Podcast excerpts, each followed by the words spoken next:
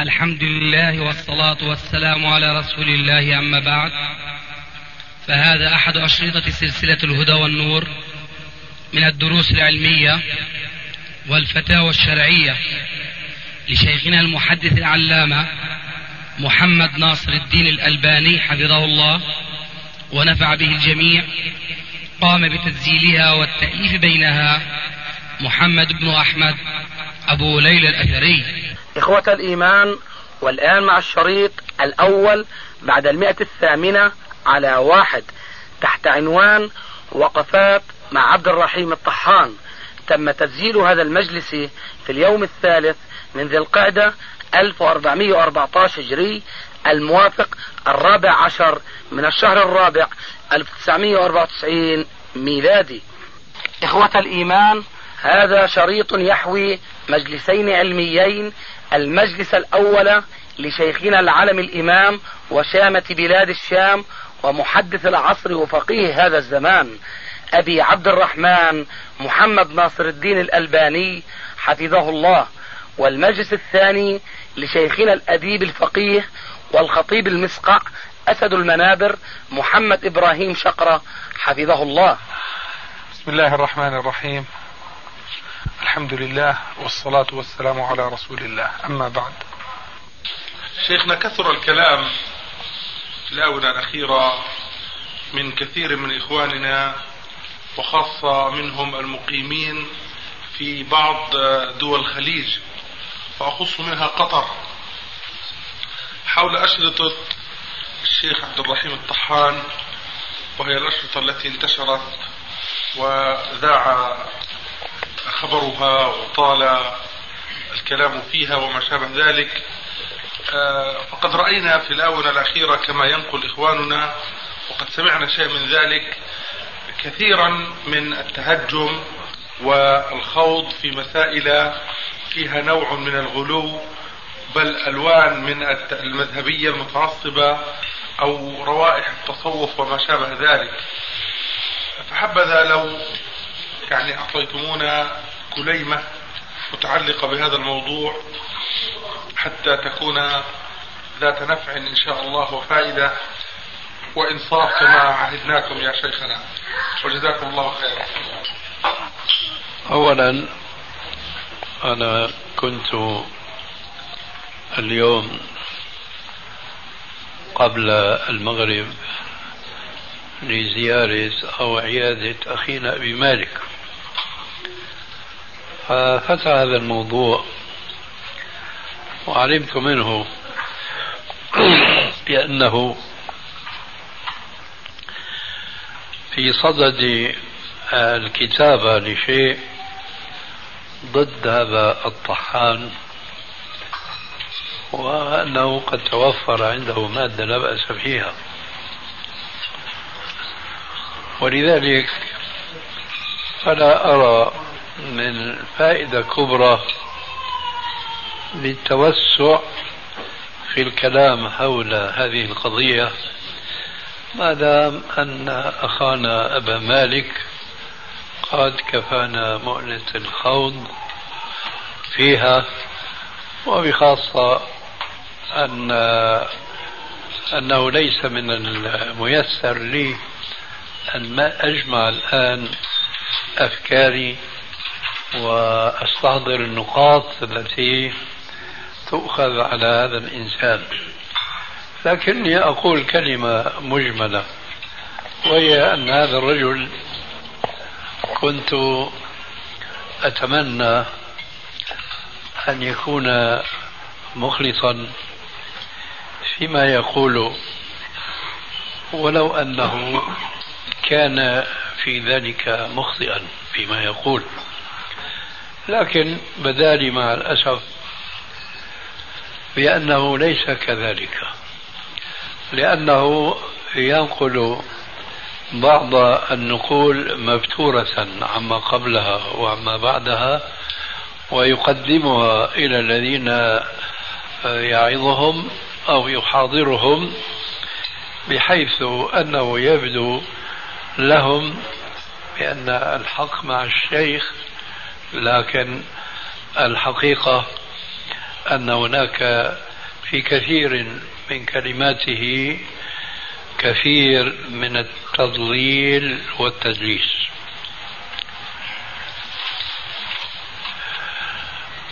حديث مثلا حياتي خير لكم ووفاتي خير لكم. إلى آخره. خصني بالنقد آه، حول هذا الحديث لأني ضعفته. ويأخذ من تخريجي لهذا الحديث ما يناسبه موهما الحاضرين أن الكاتب المضاعف الذي هو أنا جاهل بعلم الحديث وأنه هو الذي يطبق قواعد علم الحديث.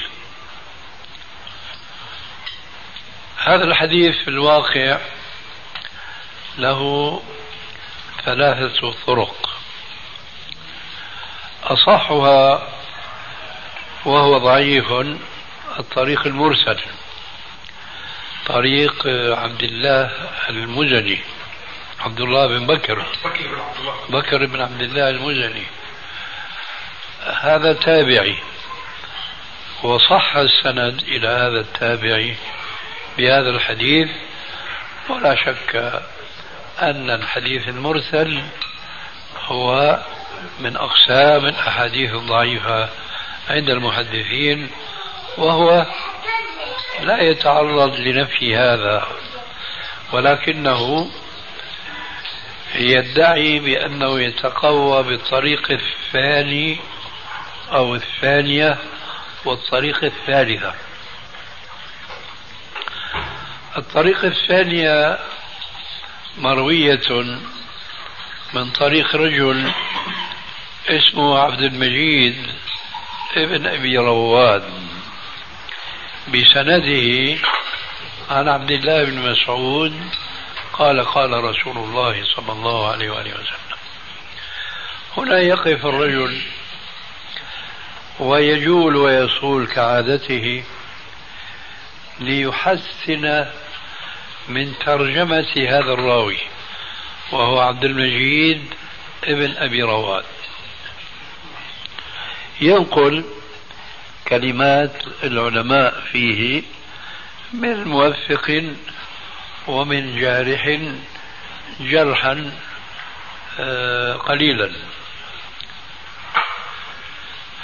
فيقول أن هذا الحديث اللي الذي رواه ابن أبي رواد بإسناده عن ابن مسعود إن لم يكن حسنا لذاته فهو حسنا بذاك المرسل. وهنا بقى يجول جولة الحق فيها معه بأنه يقول أن علماء الحديث يقولون أن الحديث الضعيف يتقوى بكثرة الطرق. هذا مرسل صحيح السند وهذا مسند عن ابن مسعود فيه ضعف يسير فهذا يقوي هذا ثم أضاف إلى ذلك الطريقة الثالثة وهي من رواية أنس بن مالك. يقول هذا وإن كان ضعيفا فيضم إلى ما سبق فيأخذ الحديث قوة لا شك فيها وأقل ما يقال في الحديث إنه حديث حسن. ويقرأ لهم بعض الكلام من كلامي الذي نقله من سلسلة الأحاديث الضعيفة لكنه لا يسرد الكلام كله إنما يقتطع منه ما يناسبه. هناك أنا ذكرت أن حديث ابن أبي رواد هذا متكلم فيه من قبل حفظه وهو لا ينكر هذا. لكنه حديث منكر لا يصح بالنسبة لما نعلم من قواعد الحديث أن ندعم به الحديث المرسل. لأنه قد ثبت لدينا بمتابعة الرواة الذين شاركوه في الرواية عن الشيخ وهو سفيان الثوري. كل الثقات رووا عن سفيان بإسناده لا أذكره لعله عن عاصم بن كليب عن أبيه وهذا هو الله أعلم الإسناد. عن عبد الله بن مسعود قال قال رسول الله صلى الله عليه وآله وسلم إن لله ملائكة سياحين يبلغون عن أمتي السلام. هذا رواه الثقات عن سفيان بالسند الصحيح وهو صحيح. تفرد عبد المجيد ابن أبي رواد فروى هذا الحديث مع الرواة الثقات ثم أضاف وقال رسول الله صلى الله عليه وسلم حياتي خير لكم ووفاتي خير لكم. هنا يقال هذا شذ وخالف الثقات الذين اشتركوا معه في رواية الطرف الأول من الحديث إن لله ملائكة سياحين يبلغون عن أمتي السلام. فتفرده بزيادة حياتي خير لكم. يعتبر هذه الزيادة إما شاذة إذا اعتبرنا ابن ثقة وإما منكرة إذا اعتبرناه ضعيفا. وأحسن أحواله أن يكون ثقة شذ عن جمهور الثقات فخالفهم وزاد عليهم برواية حياتي خير لكم. فتكون هذه زيادة شاذة.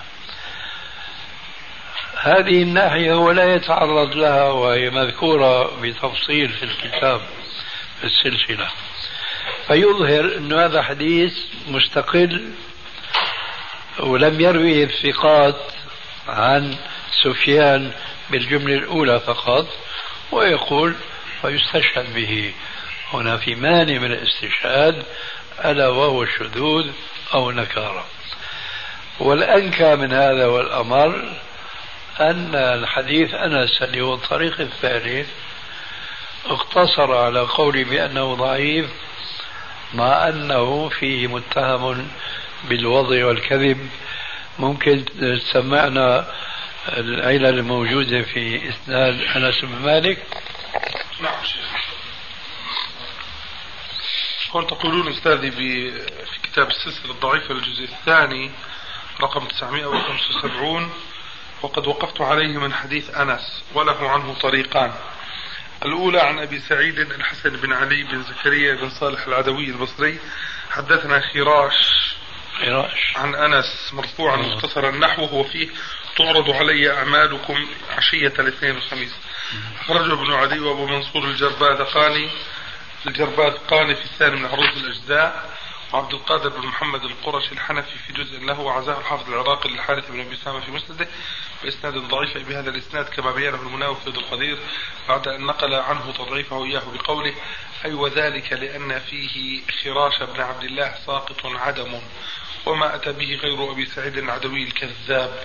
وقال ابن حبان لا يحل كتب حديثه إلا الاعتبار ثم ساق له أخبارا هذا منها. قلت فالإسناد موضوع لا يفرح به. الثاني عن يحيى بن خدام محمد ابن عبد الملك بن زياد أبو سلمة الأنصاري. حدثنا مالك بن دينار عن أنس فيه نحوه نحوه وفيه تعرض علي أعمالكم كل خميس. خرجه أبو طاهر المخلص في الثاني من العاشر من حديثه. حدثنا يحيى يعني بن محمد بن صالح. حدثنا يحيى بن خدام به. قلت وهذا موضوع أيضا. آفته الأنصاري هذا قال العقيل منكر الحديث. وقال ابن حبان منكر الحديث جدا. يروي عن الثقات ما ليس من حديثهم لا يجوز الاحتجاج به. وقال ابن طاهر كذاب. وله طامات. وقال الحاكم أبو عبد الله يروي أحاديث موضوعة. والراوي عنه يحيى بن والراوي عنه يحيى بن خدام. روى عنه جماعة من الثقات وذكره ابن حبان في الثقات. وقال الحاكم أبو أحمد في ترجمة الأنصاري المذكور روى عنه يحيى بن خدام عن مالك بن دينار أحاديث منكرة. فالله تعالى أعلم الحمل فيه على أبي سلمة أو على ابن خدام. وجملة القول أن الحديث ضعيف بجميع طرقه. وخيرها حديث بكر بن عبد الله المزني وهو مرسل ومن أقسام الحديث الضعيف عند المحدثين ثم حديث ابن مسعود وهو خطأ وشرها حديث أنس بطريقيه نعم. فكل هذه الحقائق الرجل يتجاهلها حديث أنس يجعله ضعيفا وموضوع حديث ابن أبي رواد يجعله شاهدا وهو شاذ. ولا يبقى هناك إلا حديث بكر بن عبد الله المزني وهو ضعيف بإرساله. ثم يجعل هذا الحديث من خصائص الرسول عليه السلام ويبني عليه إعلانا وقصورا ويقول بأن المسلمين ينفع عفوا بأن الرسول عليه السلام في قبره ينفع المسلمين.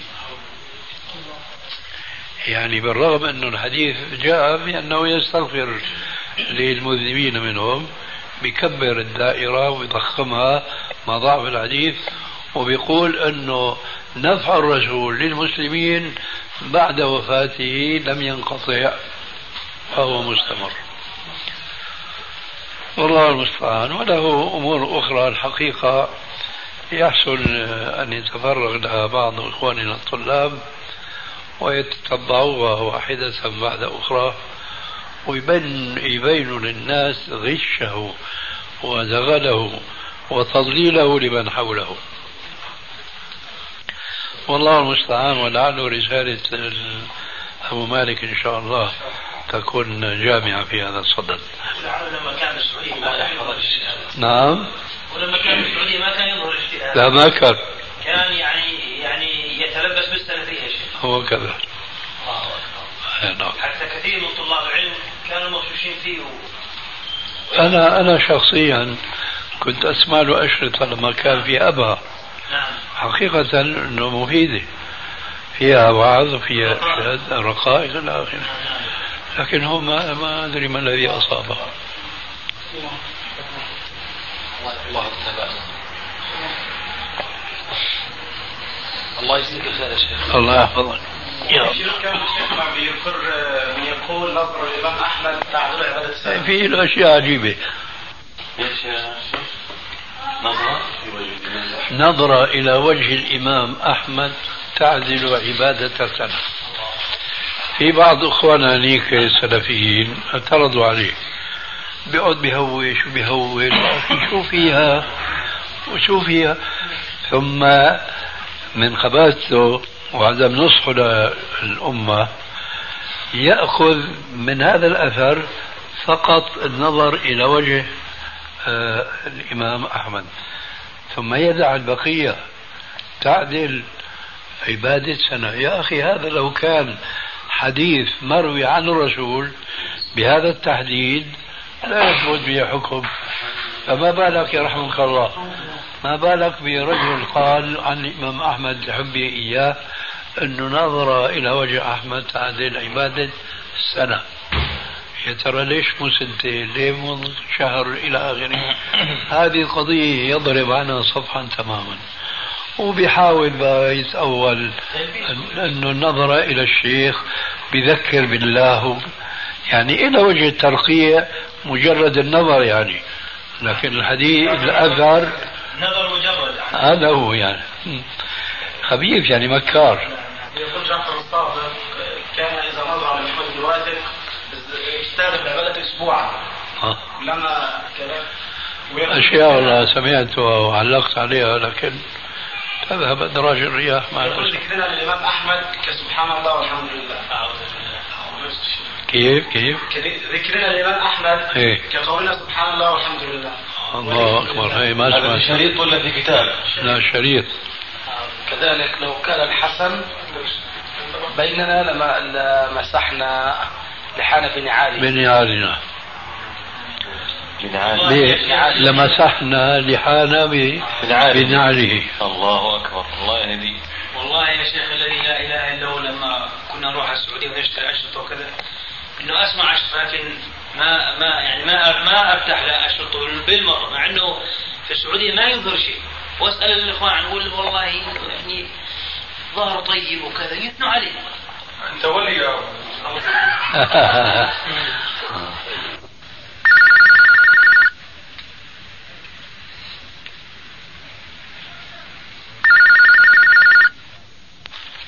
نعم. السلام عليكم ورحمة الله وبركاته. وعليكم السلام ورحمة الله وبركاته. كيف حالكم يا شيخنا؟ الحمد لله بخير. أهلا وسهلا لا تقل يا قطري يا شيخنا وإن قل يا شيخنا. إن شاء الله. لأنه شيخنا هذا خطأ في عنا وني ناس بيعلمون اللغة العربية. وبيقولوا يا شيخ يا شيخنا خطأ. نعم ماذا عندك؟ عندنا الله يسلمك. أتانا شيخ من قريب. اسمه عبد الرحيم الطحان. وكانت له محاضرة. عن تعظيم عنوانها تعظيم أولياء الله. ومن بعض مقاله في نفس المحاضرة قوله ليتنا كنا نساء وحظينا بريق الحسن من يحظى بالحسن ليس ليلة لو نظرة. وقوله ووالله لو أدركنا الحسين لمسحنا نعليه بلحانا وفي ذلك شرف لنا وفخر. وقوله ثبت عن أنس بإسناد صحيح إن النبي عليه الصلاة والسلام عندما دخل المدينة أضاء فيها كل شيء أما تنورت بالنبي عليه الصلاة والسلام وأشرقت. وقوله ينقل الإمام الذهبي في سير أعلام النبلاء في الجزء الحادي عشر صفحة 211 عن بعض طلبة العلم إنه قال نظرة إلى الإمام أحمد. تعدل عبادة سنة وأكثر. علق الإمام الذهبي على هذه الجملة. بقوله هذا قلو لا ينبغي. وقال والله ليس بقلوب وإنه مما ينبغي. وقال من قول بعد كان جعفر الصادق يقول إذا وجدت في قلبي فتور وقسوة نظرت إلى وجه محمد بن واسع فاجتهدت أسبوع.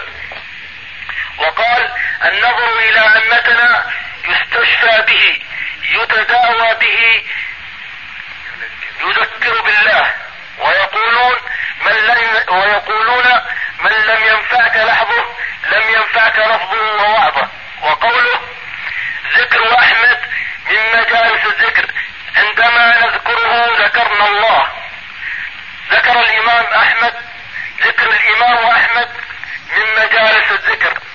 وقوله نظرة إلى وجه النبي صلى الله عليه وسلم تعدل عبادة آلاف السنين والنظرة إلى الصحابة الطيبين تعدل عبادة آلاف السنين. وقوله أي قابل هو الشيخ هذا قابل بعض الشيوخ يقول اسمه الشيخ عبد الرحمن زين العابدين. ويقول قابلته وقلت له ووالله ما رأيته إلا قبلت يده. وكان يقول أي الشيخ عبد الرحمن زين يقول للشيخ عبد الرحيم من من من مقاصدي إذا ذهبت لأحج رؤية الإمام الشنقيطي. وهذا الشيخ يا يا شيخ يا شيخنا معروف على مستوى في دولتنا قطر. وكل طلبة العلم يحضرون له فما رأيكم وما الرد على هذا بارك الله فيك. ما كان ينبغي أن تطيل علينا بسردك لمثل هذا الهراء. فانتبه لما سأقول. باستثناء حديث أنس الذي حكيته عن الطحان أقول أولا حديث أنس هو فعلا حديث صحيح ولكن الإضاءة المذكورة فيه هي إضاءة معنوية. يعني هو كناية عن انتشار نور الإسلام.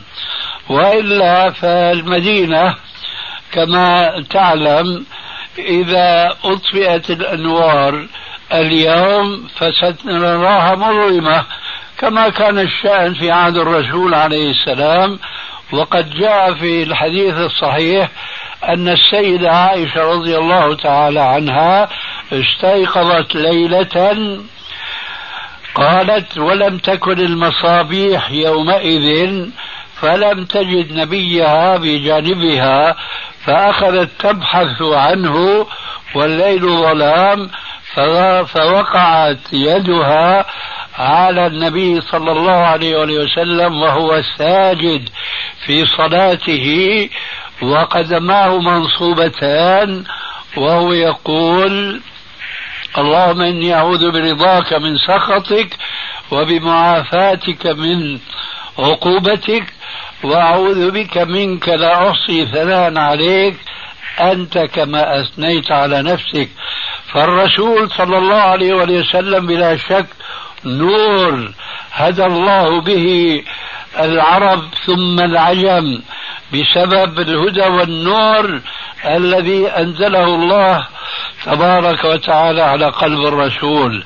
فلم تكن إضاءة المدينة المذكورة في حديث أنس هي إضاءة مادية وإلا كانت السيدة عائشة ترى نبي صلى الله عليه وسلم وهو يصلي في الغرفة في البيت. لكنها صرحت بأنها لم ترى. لما؟ لأنه لم تكن عنده المصابيح يومئذ. فأقول باستثناء حديث أنس من ذاك الهراء فحديث أنس صحيح ومعناه ليس كما يفسره الرجل. أقول بعد تكريري لهذا الاستثناء الكلام الذي حكيته عنه كله هراء ويجب أن يطحن من الطحانين طحنا. سمعت الجواب؟ ألو؟ نعم. سمعت الجواب؟ ماذا تنصح طلبة العلم جزاك الله خيرا؟ أنصحهم أن لا يحضروا للرجل درسا لأنه صوفي مبتدع ويتستر بالسنة وهو جاهل بها والسلام عليكم ورحمة الله. وعليكم السلام ورحمة الله وبركاته. نعم آه. هذا عبد الرحيم ما كان يظهر هذا في السعودية. ما كان نعم. هذول أخي مصلحجية هؤلاء. هذول مصلحجية الرحيم ترى. ها؟ عبد الرحيم هذا عبد الرحيم ما هو محمود. شيخنا عشان في السعودية كان له سمعة عجيبة. من السنة ومن الالتزام سمعة كبيرة في السعودية. وك- حتى الأحاديث بعضها يقول صحح الألباني ما ما آه، س- سم- سمعت يقول له يحتج على آه، حجاب المرأة المسلمة ويرد على اللي يقولون للشيخ يجي يستشفي المس- ويرد على. وصحح هذا مع من عبد الرزاق كذا في الكتابات ويقول الألباني شيخ فاضل وتجنيت عليه وتجنيت عليه الألباني أنا يعني هس... ها. أنا أذكر قبل حوالي ثمان سنوات آه كنا جالسين هيك ففي عندك رسائل قلت لي أنظر فيها أشوف فمن ضمن الرسائل رسالة باعثها شاب سعودي يبدو طالب علم فبيقول فيها ظهر عندنا رجل اسمه كذا وله أشرطة وأنا تتبعت بدعه وانحرافاته وإلى آخره. ما شاء لكن الله. سبحان الله الآن أنا نسيت مين؟ ما ما بقي في ذهني من؟ من هو؟ المعني. ال- الرسالة ال- والرد هذا. أيوة. المعني هو الذي ذكر المعني هو طحان. أكيد. آه طبعا في الرسالة متأكد 100% إنه المعني هو طحان. لكن صاحب الرسالة آه صاحب الرسالة. إخوة الإيمان والآن مع المجلس الثاني لشيخنا محمد إبراهيم شقرة حفظه الله.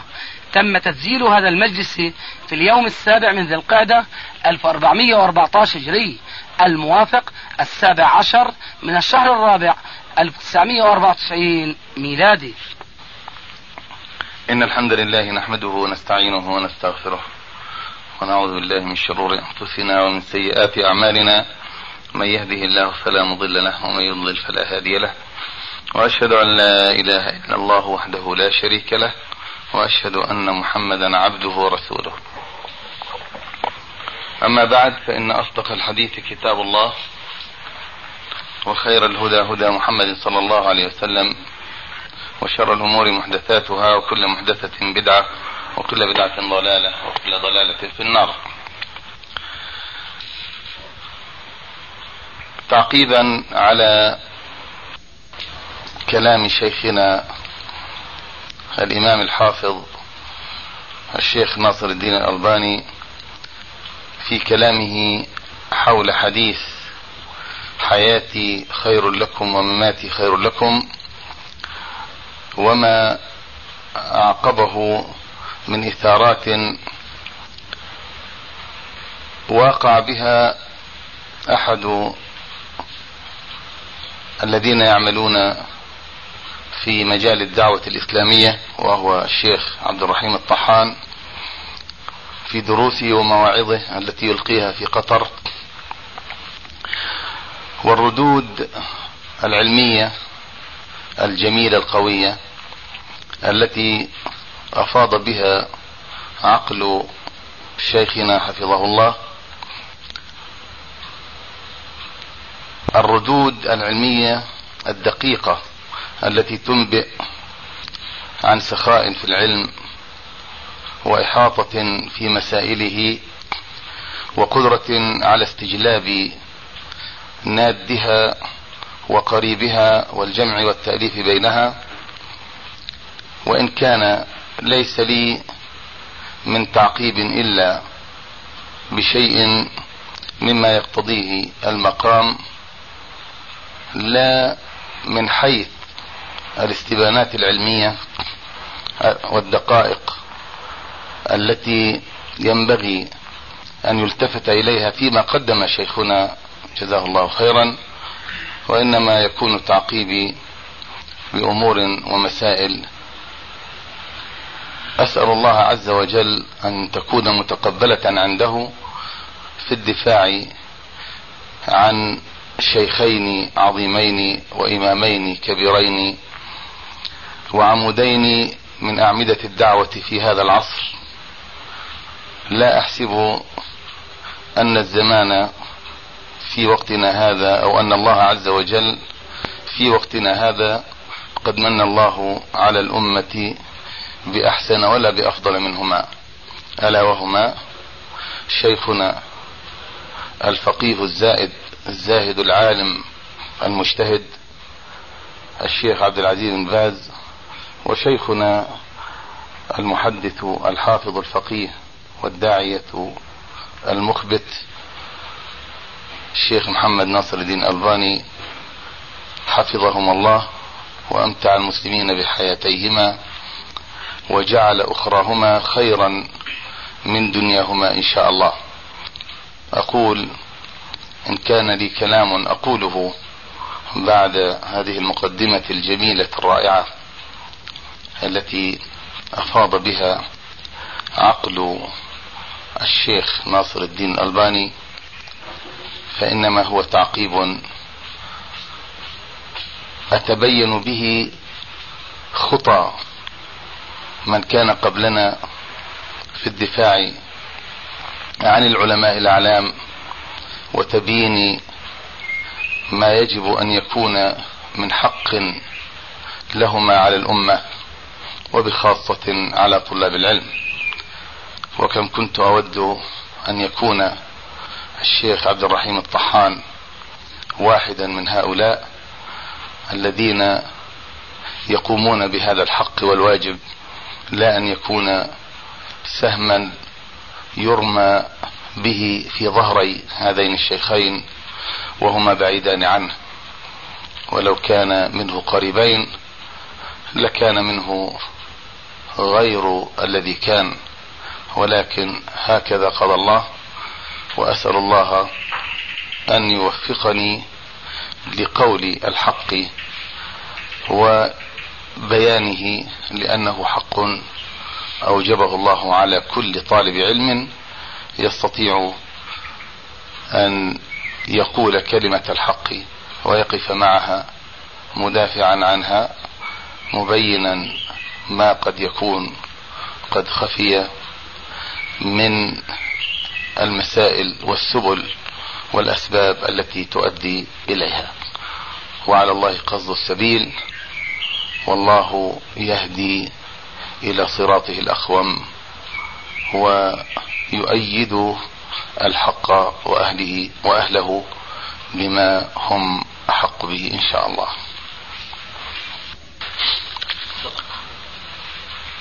أقول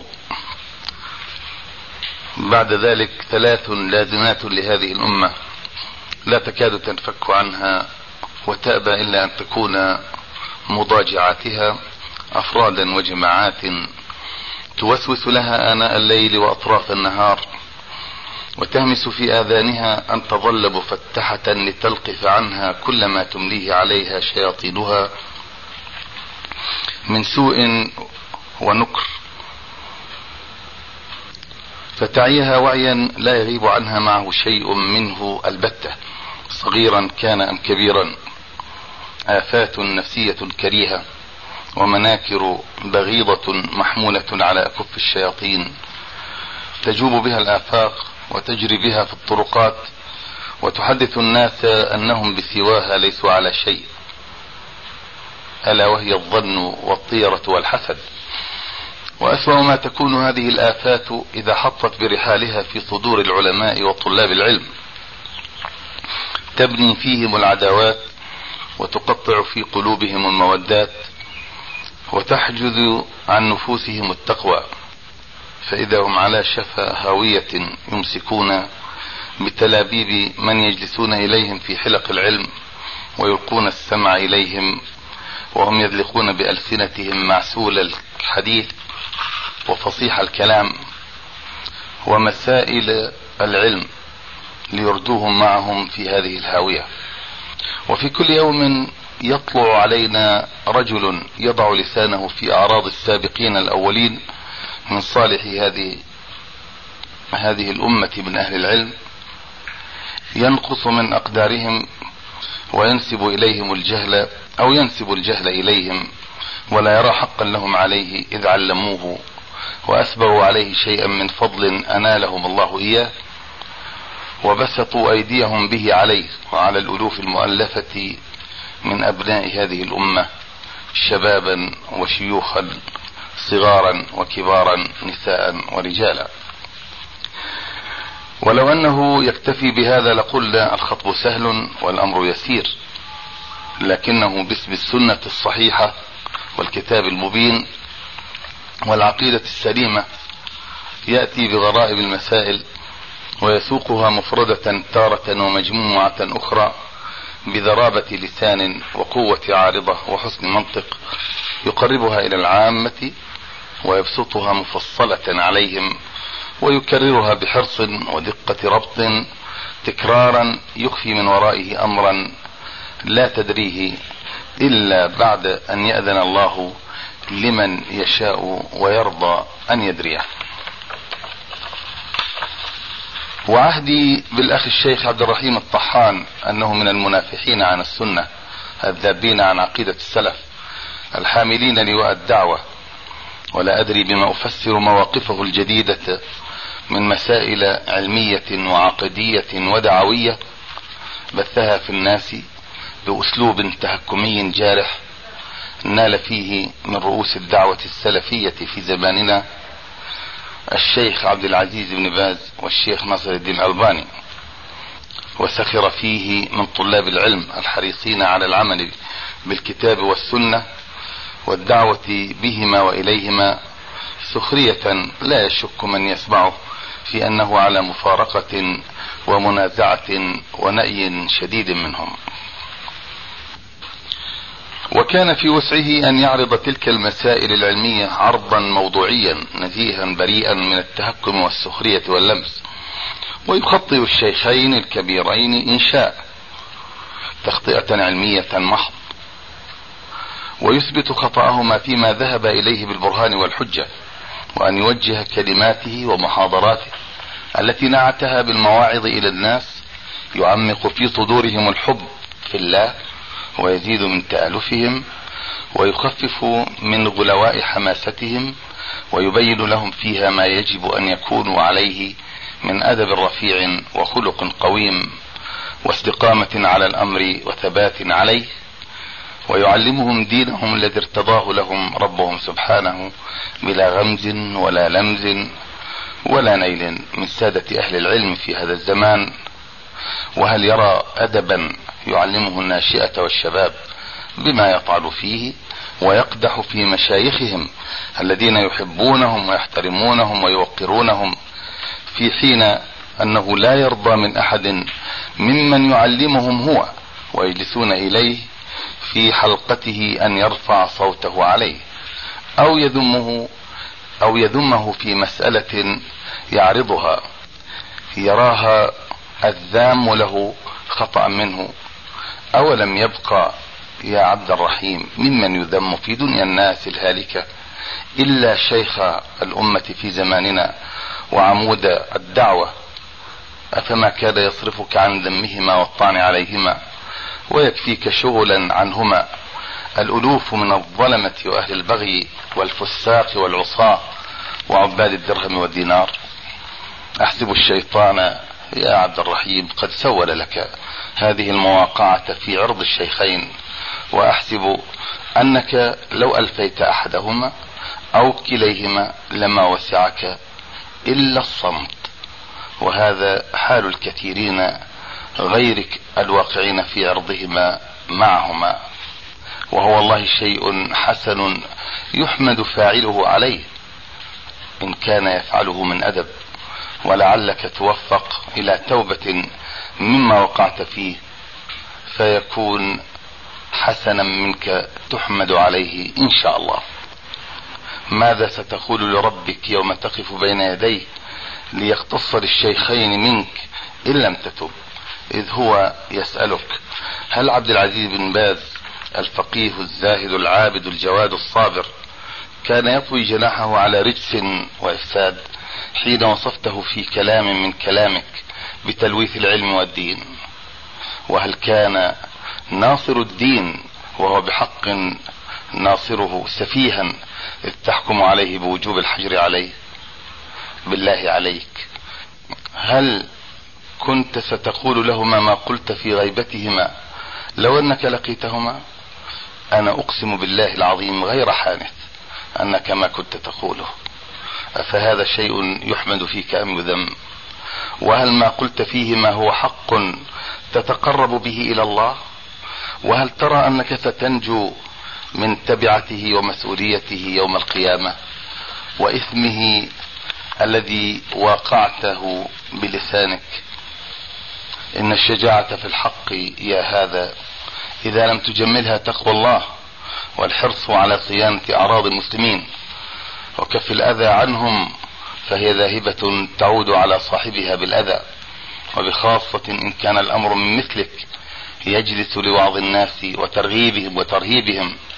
أفلا ترى يا شيخ عبد الرحيم أن ما تصنعه من الطعن على مثل الشيخين في غيبتهما وتجهيلهما والحكم عليهما بأحكام جائرة لا تأثم به وحده بل بما يكون من جرأة من جرأة ممن تعظهم على التخوض في أعراض المسلمين بأدنى سبب أيضا. فانظر بماذا تلقى الله من آثام ثقال وما أنت صانع بوعظك في الناس. وهل يكون ملوثا للدين من قضى حياته جاهدا في تنقية عقيدة الأمة وتصفيتها وبذل طاقته في تربية الأجيال وتوجيههم؟ وهل يكون سفيها من نشر أعلام السنة في الأرض وصرف نصف قرن في إظهار صحيحها والتحذير من سقيمها ودعوة الناس إليها. ولعل من مسلمات العلم عندك أن لحوم العلماء مسمومة. فهل لاقيت لسانك من هذا السم الزعاف؟ ولا أحسب إلا أنك تدري أن شيوع الدعوة في هذا الزمان يعود الفضل فيه بعد الله لهذين الشيخين. أحدهما عندك ملوث والآخر عندك يجب الحجر عليه. ألا اتقيت الله يا هذا؟ وهل أنت يا شيخ عبد الرحيم وأنت لا زلت في أوائل العقد الخامس من عمرك فيما أظن إلا ثمرة من ثمارهما؟ وهل جزاء الإحسان إلا الإحسان؟ وهل أنت, أنت إلا حسنة من حسناتهما؟ وهل يكون من حسن الأدب مع الأشياخ أن يسيء من أحسن إليه لمن أحسن إليه؟ ودعنا الآن نناقش المسائل التي تخال فيها نفسك على هدى وأن الشيخين ومن ورائهم ومن من ورائهم على غير هدى. لنرى معا أي الفريقين أهدى سبيلا وأقوم قيلا وقبل أن نعرض لتلك المسائل أحب أن أذكر الشيخ عبد الرحيم ومن هم على شاكلته ممن يستسهلون الطعن على شيوخ العلم وسادته بأمور ثلاثة. أما الأول فإنه لو اجتمع الألوف من مثلك لينالوا منهم ما زادوا الناس بهم إلا حبا وتعلقا وما ازدادوا فيكم إلا بصيرة. أما الثاني فإن من أدب العلم التواد فيه وبخاصة من الأصاغر مع الأكابر. وهل يقتضي وهذا يقتضي أن يتكاتبوا ويعرض الصغير على الكبير قوله في المسألة التي يخالف فيها قبل أن يشيعها في الناس فتشيع بشيوعها الفرقة في أهل العلم. فماذا كان يشينك يا هذا أو يسيئك أو يحقرك وأنت ربما تكون في الطبقة الرابعة أو الخامسة من تلاميذ الشيخين. لو أنك اتصلت بهما أو كتبت إليهما بما وقع في نفسك من مخالفتهما في هذه المسائل بدلا من أن تنال بالطعن والمثلبة منهما. وأحسبك ما نلت بذلك والله إلا بنفسك. فيرحمك الله. ما كان أحسن ما فعلت. لو أنك عرفت قدر نفسك إذا عرفت فضل الأشياخ الكبار عليك. وأما الثالث وأما الثالث فهو أنك أطلقت على مجالسك اسم المواعظ. والموعظة أساسها الترغيب والترهيب والإكثار من التذكير بالموت وما بعده من الأمور الغيبية واستجماع الفكر في الأحوال المتعلقة بها. بأسلوب عاطفي يثير سواكن النفس ويحرك رواكدها ويستجيش العبرات من مدامعها بما يرد الواعظ من أمثال وقصص وأحداث وتشويق للجنة ونعيمها وتخويف من النار وأليم عذابها إلى غير ذلك مما كان يصنع واعظ الوعاظ ابن الجوزي رحمه الله.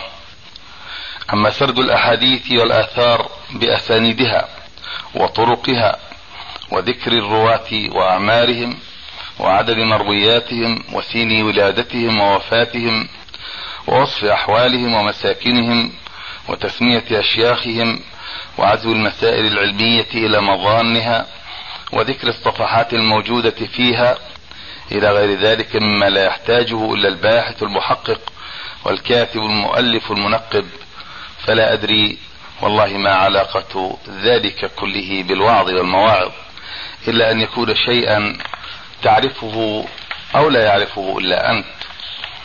وذلك لما تعلم من أن الكلام ينسي بعضه بعضا والمواعظ لا يكون تأثيرها إلا بمادتها الصحيحة وأسلوبها الحسن. ومعذرة يا شيخ عبد الرحيم إن قلت هنا إنني لا أتهم ولكن هل ترى من فائدة يدركها المستمعون إليك وأنت تلقي عليهم ما تسميه من موعظة على هذا النحو الذي جريت عليه في مواعظك؟ فإن كنت ترى ذلك فأرجو أن تجعل لها مجلسا خاصا تفسر فيه ما أغلق فهمه علينا من هذا الأسلوب الوعظي الجديد وإلا كان ما يحوم الظن حوله منها. وأرجو أن تنفي الظن قبل أن يصبح يقينا. وأحسبني لا أكذب إن قلت إن الأسلوب الوعظي الذي يسلكه الشيخ أبو بكر الجزائري أطال الله في عمره هو الأسلوب الأمثل الذي يحسن بكل واعظ أن يفيد منه. فقد برع فيه وإن كان لك بعض الملاحظات عليه. لكن المؤمنين بعضهم نصحة لبعض. ومن تواضع لله رفعه الله فكان أولى بك أن تنصحه أن يعود عن بعض الأمور الخطأ التي تراها فيه لا أن تجعل منه شيئا تسخر منه وأنت تعلم جزاء من يسخر من أخيه المسلم. والواعظ يا عبد الرحيم لا يكون واعظا إلا إن كان وعظه نافعه في نفسه أولا فيرى فيه الموعوظون أثر وعظه وأدناه ألا يذكر أهل العلم والصلاح والدعاة الأخيار إلا بخير وأن يذب عنهم إن ذكروا عنده بسوء وأعلاه أن يجانب أسلوب القصاصين الذين كانوا يصرفون وجوه الناس إليهم بأساليب جذابة يظن بها فيهم أنهم علماء متمكنون من ناصية العلوم كلها ويوهمون الدهماء العامة أنهم قادرون على تصريف وجوه الكلام حيث شاءوا وكيف شاءوا وأن شاءوا. ولا يشك عاقل بل ويجزم أن القصاصين بذكائهم الجم وببراعتهم الواهبة في قديم وحديث استطاعوا إحراز حب العامة والاستحواذ على قلوبهم واستجلاب إعجابهم حتى صار لهم ذكر دائم على ألسنتهم وحضور لا ينقطع في قلوبهم. مناقبهم عندهم موفورة وفضائلهم لديهم غزيرة وهبوا من هذه وتلك ما ليس عند علماء الأمة لو اجتمعوا إلا اليسير.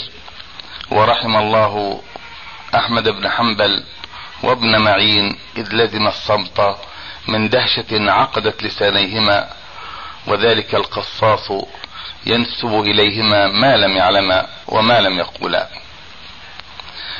وأنا لم يسبق لي أن استمعت إلى كلام الأخ الشيخ عبد الرحيم وما رأيته ولا أدري من أمره إلا ما كنت أسمعه من ثناء الناس عليه.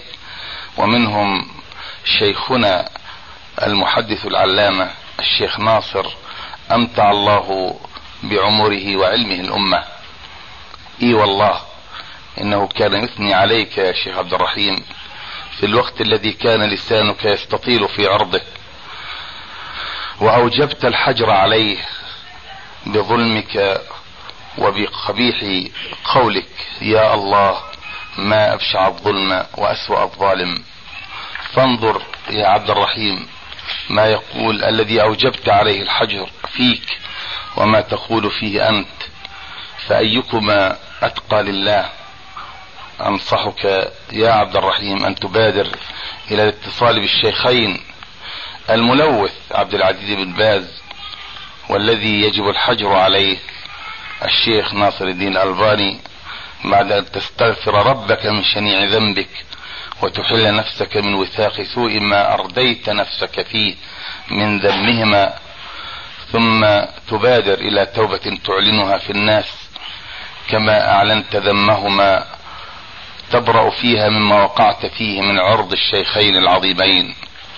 أقول لم يسبق لي أن استمعت إلى كلامك فلما استمعت إليك من الأشرطة التي عدوت فيها على الشيخين أعجبني جدا فيها أسلوبك وطريقة عرضك واستطرادك وبراعة إيرادك وسرعة حضورك وإخالك تعلم يا شيخ عبد الرحيم أن العلم أمانة وأن العالم والقارئ أول ما يسألون يوم القيامة عن علمهم فيقال له ما يقال فأعد لذلك اليوم عدته وإني لأعظك أن تبقى غامسا لسانك فيما يغمسه الجاهلون الطاعنون الذين لا يتقون الله.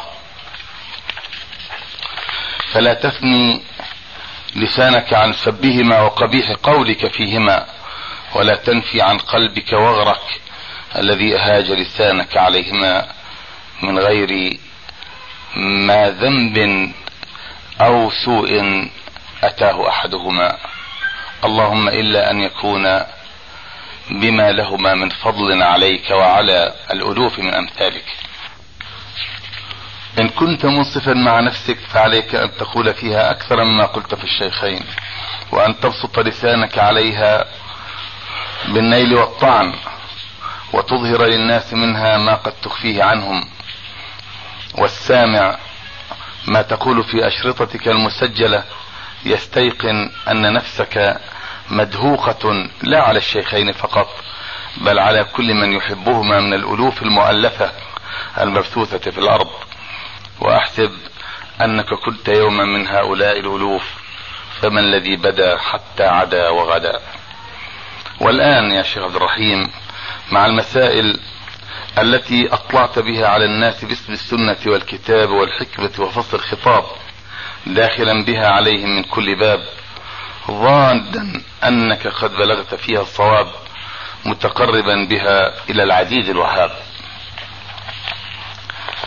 المسألة الأولى وهي التي انتزعتها من قوله عليه الصلاة والسلام إن من أفضل أيامكم يوم الجمعة فأكثروا فيه من الصلاة عليه فإلى أن يقول الرسول عليه الصلاة والسلام إن الله حرم على الأرض أجساد الأنبياء. وملخص هذه المسألة إحسان الله إلى نبيه بعد موته كإحسانه إليه حال حياته وهو إحسان ممتد إلى أمته. لا يخال أحدا في دنيا المسلمين ينازعك في هذه الدعوة. فهي مسلمة عند كل عقلاء المسلمين وحتى مجانينهم. ولكن على أن نفهم معا أن كلامك هذا على إطلاقه موهم أشد الإيهام والإيهام ناشئ من التشبيه الذي لا يفرق فيه بين المشبه والمشبه به. إلا من يعرف علم البلاغة.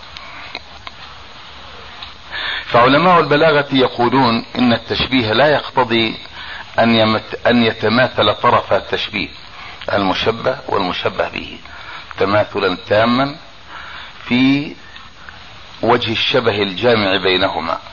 وعليه فإن كان مرادك أن إحسان الله إلى نبيه في قبره كإحسانه له قبل موته متطابقان تمام التطابق متماثلان تمام التماثل. فإن إحسان الله عز وجل لنبيه بعد موته إحسان غيبي ولا يعرف على حقيقته. وإن ادعيت خلافه فادعاؤك يعوزه الدليل ولا دليل فنفوضه إلى الله سبحانه. ونقف عند حدود ما نعلم في دنيانا وما انتهى إليه إلينا من خبر نبينا عليه الصلاة والسلام من حاله صلوات الله وسلامه عليه وهو ما نعرفه من إكرام الله إكرام الله له سبحانه في حياته الذي تسامى على كل إكرام وتقاصر عنه كل إكرام. وكيف لا؟ وهو الذي حاز وإخوانه الأنبياء كرامة حفظ أجسادهم أن يأكلها التراب. ولا بد وأن يكون صلى الله عليه وسلم قد فاق إخوانه النبيين بوجه من وجوه الإكرام بتفوقه في المنزلة على سائر إخوانه الأنبياء عليهم الصلاة والسلام جميعا. وقد انتهى إلينا ما نعلم من إكرام الله وإحسانه إليه واستفاض في الناس بما أوحى الله إليه سبحانه من كتابه وسنته عليه الصلاة والسلام. ومما لا شك فيه أن إحسان الله سبحانه إليه بحفظ جسده إنما هو أثر من آثار إحسانه إليه في حياته باتخاذه نبيا واصطفائه خليلا. وهذا الإحسان واثره قدر مشترك بين الأنبياء جميعا. ولو كان هذا الإحسان وأثره فضلا زائدا لرسول الله صلى الله عليه وسلم على الأنبياء لاستحقه بفضل غير فضل النبوة والرسالة والاصطفاء. فيكون فضلا لسبقه وتقدمه بفضل خاص بنبوته وحده على الأنبياء كلهم صلوات الله وسلامه عليهم. وهو الذي أهله الله به سبحانه أن يقول في نفسه بأمر من ربه أنا سيد ولد آدم يوم القيامة ولا فخر. إخوة الإيمان تتمة الكلام في الشريط التالي. أن يقول في نفسه بأمر من ربه أنا سيد ولد آدم يوم القيامة ولا فخر. وإن كان مرادك أن إحسان الله إلى نبيه بعد موته كاحسانه له في حياته بما أجرى على يديه من الخير لأمته فأصاب من الثواب والفضل. ما لو أصاب أدناه العديد من الأنبياء لوسعهم فنحن نسلم لك هذا ولا ريب. ولا يستطيع واحد من العقلاء أن ينفيه. والله سبحانه يجزي على الإحسان بإحسان مثله وفضله واسع وخيره عظيم. وقد أوحى إلى نبيه أن يقول لأمته من سن في الإسلام سنة حسنة فله أجرها وأجر من عمل بها إلى يوم القيامة.